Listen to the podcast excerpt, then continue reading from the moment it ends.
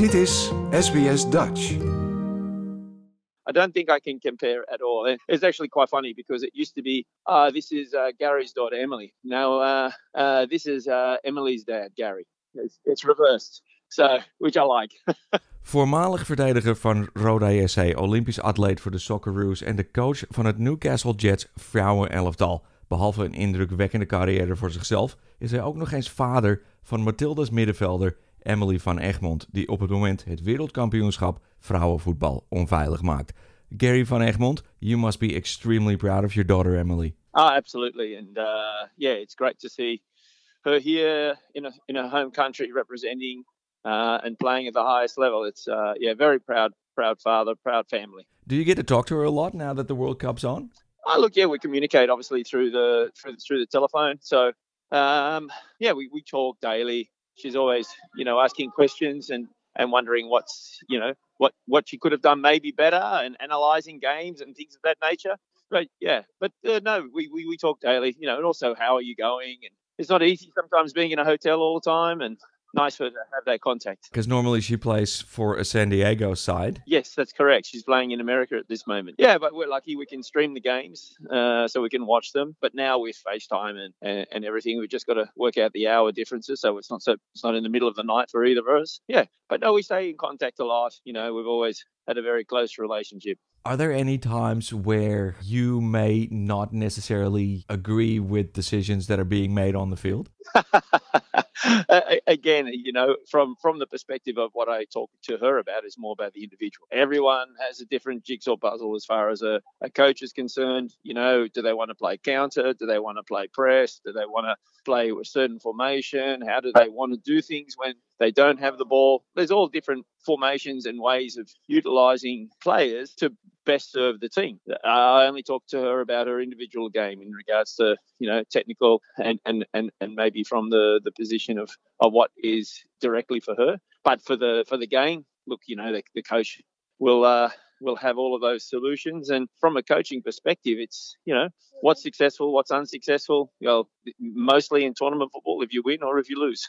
So, so when did Emily ever start in soccer? Look, she started when she was very young. She was five years of age. Uh, she had a love of the ball very, very early. You know, she played all sports: basketball, netball, athletics, swimming, tennis. You know, all, all sports. But uh, football always seemed to be the the one game that she uh, was drawn to. It was always football that she came back to. Right. So, so when she told you that she wanted to go pro, what did you think? yeah, look, back then it was, uh, again, for a for a girl, you know, 15, 16 years of age, that's nearly 15 years ago for, for Emily. It was more a case of, look, that's nice, it's great, you're going to need something else because, you know, it's not a professional career. You know, they, they got paid part time. So it was nice that she wanted to play. But it, it never, I never thought in my wildest dreams it would get to where it has got to in the last, you know, 15 years. So, so what was it? What was going to be her fallback career? Yeah, that's a really good question. Um, because she wasn't academic, but again, you know, she would have found something that she would have liked to have done. But as it started to progress, she went overseas to Denmark very early at 17 years of age, and then to America. From America, you know, she went to, to Germany, uh, Germany to back to America, back to England, and now obviously back to America again. So, you know, it, it once it started, you could see that well, this is this is going to be a a, a full time career. So we never really got to that stage. Uh, let me ask you a couple of questions about yourself. You're an Australian citizen. You're born in New South Wales, right? Correct. Yeah, but then around 1984, you decided to try your luck in Holland. Staying with Dutch relatives, you tried out for a few clubs there. Can you tell us a little bit about that? Yeah, look, uh, we had um, some very close family friends uh, in the Petersons, and they came over on the same boat as my as my father and and Opa and Oma. So they were very close, and they always stayed quite close. But they were based in in Melbourne. There was a, a guy called William the Schumann, and and he organised us, both myself and Michael, to have trials over in Holland with RKC. Yeah, we uh, we went over, and yeah, it was a little bit unorganised, shall we say. But look, you know, we came over. It was a good experience. We came over. Marcel Brands was there. I remember very distinctly as a as a player. Um, and yeah, we went there, but we didn't get much feedback. We didn't know if they wanted us, didn't want us. So anyway, yeah, it was strange. We, both Michael and myself said, "Hey, we must go back to Australia." So we're going back to Australia, and I told my dad I was in I was in Thailand. It was a stopover, and we're on our way back. And he said, "You get it back on the plane and you go back to Holland." And then I um I uh, lived at my uh, my auntie's place in uh, Den Haag, and I started training with uh, with in, in Delft with uh, Guus was the was the coach. But I couldn't play because I didn't have my nationality and I, I, I, couldn't sign. But the the idea was to keep training with him, and then I know Marcel Haak and myself and a couple of others were, were looking maybe to trial at Feyenoord and so I was training hard.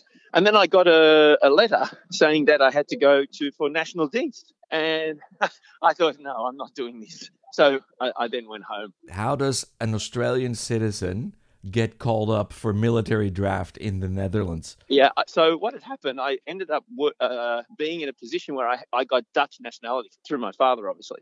And uh, with that, I started to live also in what it was like a nurses complex at in in Delft. No, in yeah, in Delft. I think it was in Delft. Uh, because my my auntie was the uh, she was in charge of the hospital, so she, she, was able to get me accommodation there. And so then they found out about me, and then they said, "Yeah, okay, you uh, you have to um, you have to do service." And so it was like, "No, no, no, no, I can't do service." So I got out of there very quickly. so, so, so you were a fugitive? Yes, I am a fugitive, probably still. I don't think I'm much service now at 58. Obviously, your parents are oh, Dutch, um, and, and you lived in the Netherlands for a while. Was it hard to fit in? Yeah, look, it was interesting. Even though you know, obviously, you know, I've got Dutch background. You come over and you're still a buitenlander, huh? You're, you're still not not classed as a as a Dutch as a Dutch citizen, and you have to compete against players. You know, they have good friendships with players that they've been all the way through, uh, and that was the case at Roda. So it wasn't completely easy, but it wasn't like they were anti us. They were still very friendly. I, I, I remember Rene Trost, for in particular. Um, he was very w- welcoming. So again, you know, there was uh, some some people who really did come in and, and help us and support us, and and the club made you know both myself and uh, and Graham Arnold at the time was there as well. Uh, very welcome. Yeah, as as an Olympic athlete, by the way, were there any other international offers on the table? No, not really. What happened? It was a really strange story too, because um, I, I, was playing in Australia for a club called Marconi, and um, Fred de Jong, who was at Marconi as well, was a New Zealand international. He he came in and he said, "Yeah, look, you know, I'm going over to Holland to play for Fortuna Sittard." And I looked at, and, and, and, no disrespect to Fred, but I looked at it and I said, well, if Fred can go, geez, I might be able to go. do, do you think that at that time Australian football was at was at a different level than Europe? Oh, absolutely. We we came there and we yeah, I remember coming there and we played in a in a back five, mostly in a back three, and I was looked upon as being a policeman, right? Okay, so you you, you mark your striker, striker doesn't score, you had a good game. You come to Holland, yeah, you, what are you doing with the ball, right? Okay, so you know it was a completely different way of of playing and understanding and it was terrific. You know, it was it was great. There was so there was a, a lot of adjustment for for myself in particular because of you know what was expected of me from a from a footballing style within Australia because you know we tried to ensure that oppositions didn't score against us because of our level uh, in comparison to where the game is now. Um, so your parents came to uh, Australia in the 50s, I believe. Yeah, look, dad is Dutch, mum is English. Uh, yeah, so but dad was I think 51, 52, something like that. They they migrated out, and you know my my my Oma and Opa. It was obviously after the war, and it was not a great deal there for the for the boys. There's four boys. Yeah, they came out and uh, wanted to start a new life and, and, and give the you know give their boys an, uh, an opportunity here in Australia. And so, so, where were they from in the Netherlands? Uh, they're all uh, born in Leiden, so uh, they were from from there. Um, yeah. You have a daughter who plays soccer at the highest possible level. You're the coach of the Newcastle Jets women. Back when you played in the Dutch league, and probably before that when you were a Socceroo, women's women's football wasn't really a thing. Obviously, as the trainer of a women's team now, you look at those changes favorably. Uh, but did that take much of a shift in your own view of, of women in football and, and maybe sports in general? Look, I think it's a, a complete shift in view in, in, regards to how we view women overall. It, it, you know, it was more a case, you know, it was, yeah, the men went to work, the woman stayed at home, which is was a stereotype back then. but now that's completely changed and and and and and rightly uh, so changed.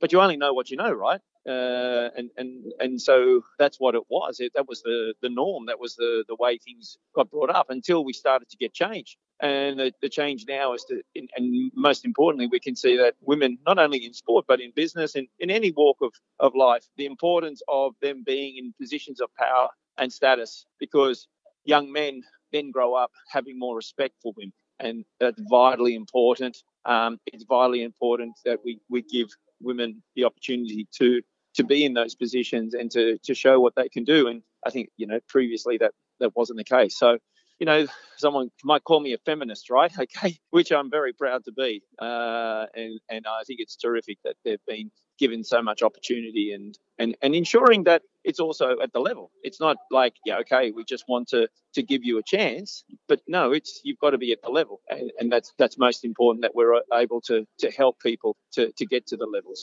you know, it's also very interesting, you know, from from a footballing perspective, what we've done, re the rules and regulations in regards to women's football. So if we start looking at tennis, for example, three sets for females, five sets for, for men. Now, is that disrespectful or is that respectful for for women? I don't know. I'm not too sure. Eh, you know, you have all different sports now like cricket and you know, we have a rugby union or rugby league, and, and maybe the field size is is different or the time is different. But for, for women in football, the, the, the, the amount of time hasn't changed, the size of the field hasn't changed, the size of the goal hasn't changed to incorporate possibly what women need. I'm not saying it should, but I'm just saying maybe maybe we should look at that, you know, because we're at the moment getting a lot of injuries with women's football. It's it's well documented about the differences physiologically of, of between women and, and, and men. Are we placing too much physical expectation on them? And would we get more of a skill game if the field was 90 by 60 or it was 35 minutes each way? The goal was maybe a little bit small. I don't know. I, I'm not saying we should or we shouldn't, but I think they're good questions. You've got to look at women's sport as women's sport, not in a comparison to men's sport. It, it has to it has to have its own entity, its own identity. It, it's it's got to be judged upon that. What what is the the outcome from that? Not oh yeah I saw this, but did you see uh, in the Premier League in the men that uh, this this this and this? Yeah, no, that's uh, that's that's not right. I recently had a conversation with the Dutch Minister for Sport, and, and we discussed the pay gap in, in pro sports between men and women, and specifically uh, related to soccer. Uh, how is that in Australia? Yeah, look, it's it's the same, and, and not just in, in, in soccer, but in all sports, right? Uh, maybe tennis is the only one. I think in golf, maybe could be a little bit more comparable. It's here in swimming, swimming is big in Australia, and we do well in Olympic Games, and there's good opportunities for female swimmers who do well at, at the Olympics, free, you know, sponsorships and, and these sorts of things with with with brands and company. In in football, it's got better uh, it, it's growing. It's growing and growing really quickly. And a lot of businesses are, really getting on the, the bandwagon of, of the sport and, and supporting it. We had, you know, we had a sponsor for where we are at the Newcastle Jets who will put in an amount of money, but now it's we only want the money to go into the women's team. And as I said, you know, there's a there's a lot of benefits and a, a lot of things that go with that.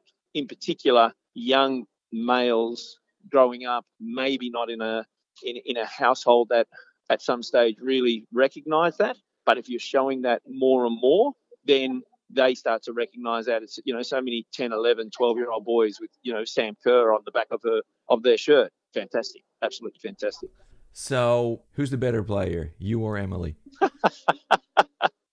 Oh look she's miles better than me. I was a athletic player very quick aggressive I learned in Holland how to pass a ball, but yeah, I didn't know. We, we didn't really have coaching. It was more scrimmages and, you know, 4v4s, 5v5s, going all the way through your youth development where, uh, you know, where you, where you look at now for her, her, her youth development was, was wonderful. And she had wonderful opportunities there to, to become a much, much, much better player and it's now you can see you know she's had a, a, much much much more successful career you know representing in four world cups two olympic games how many asian cups has one player of the year here in australia yeah uh, I don't think I can compare at all. Eh? So, but the all-important question, of course, is who speaks better Netherlands? Oh no, no, no! I speak, I speak much better Dutch than her.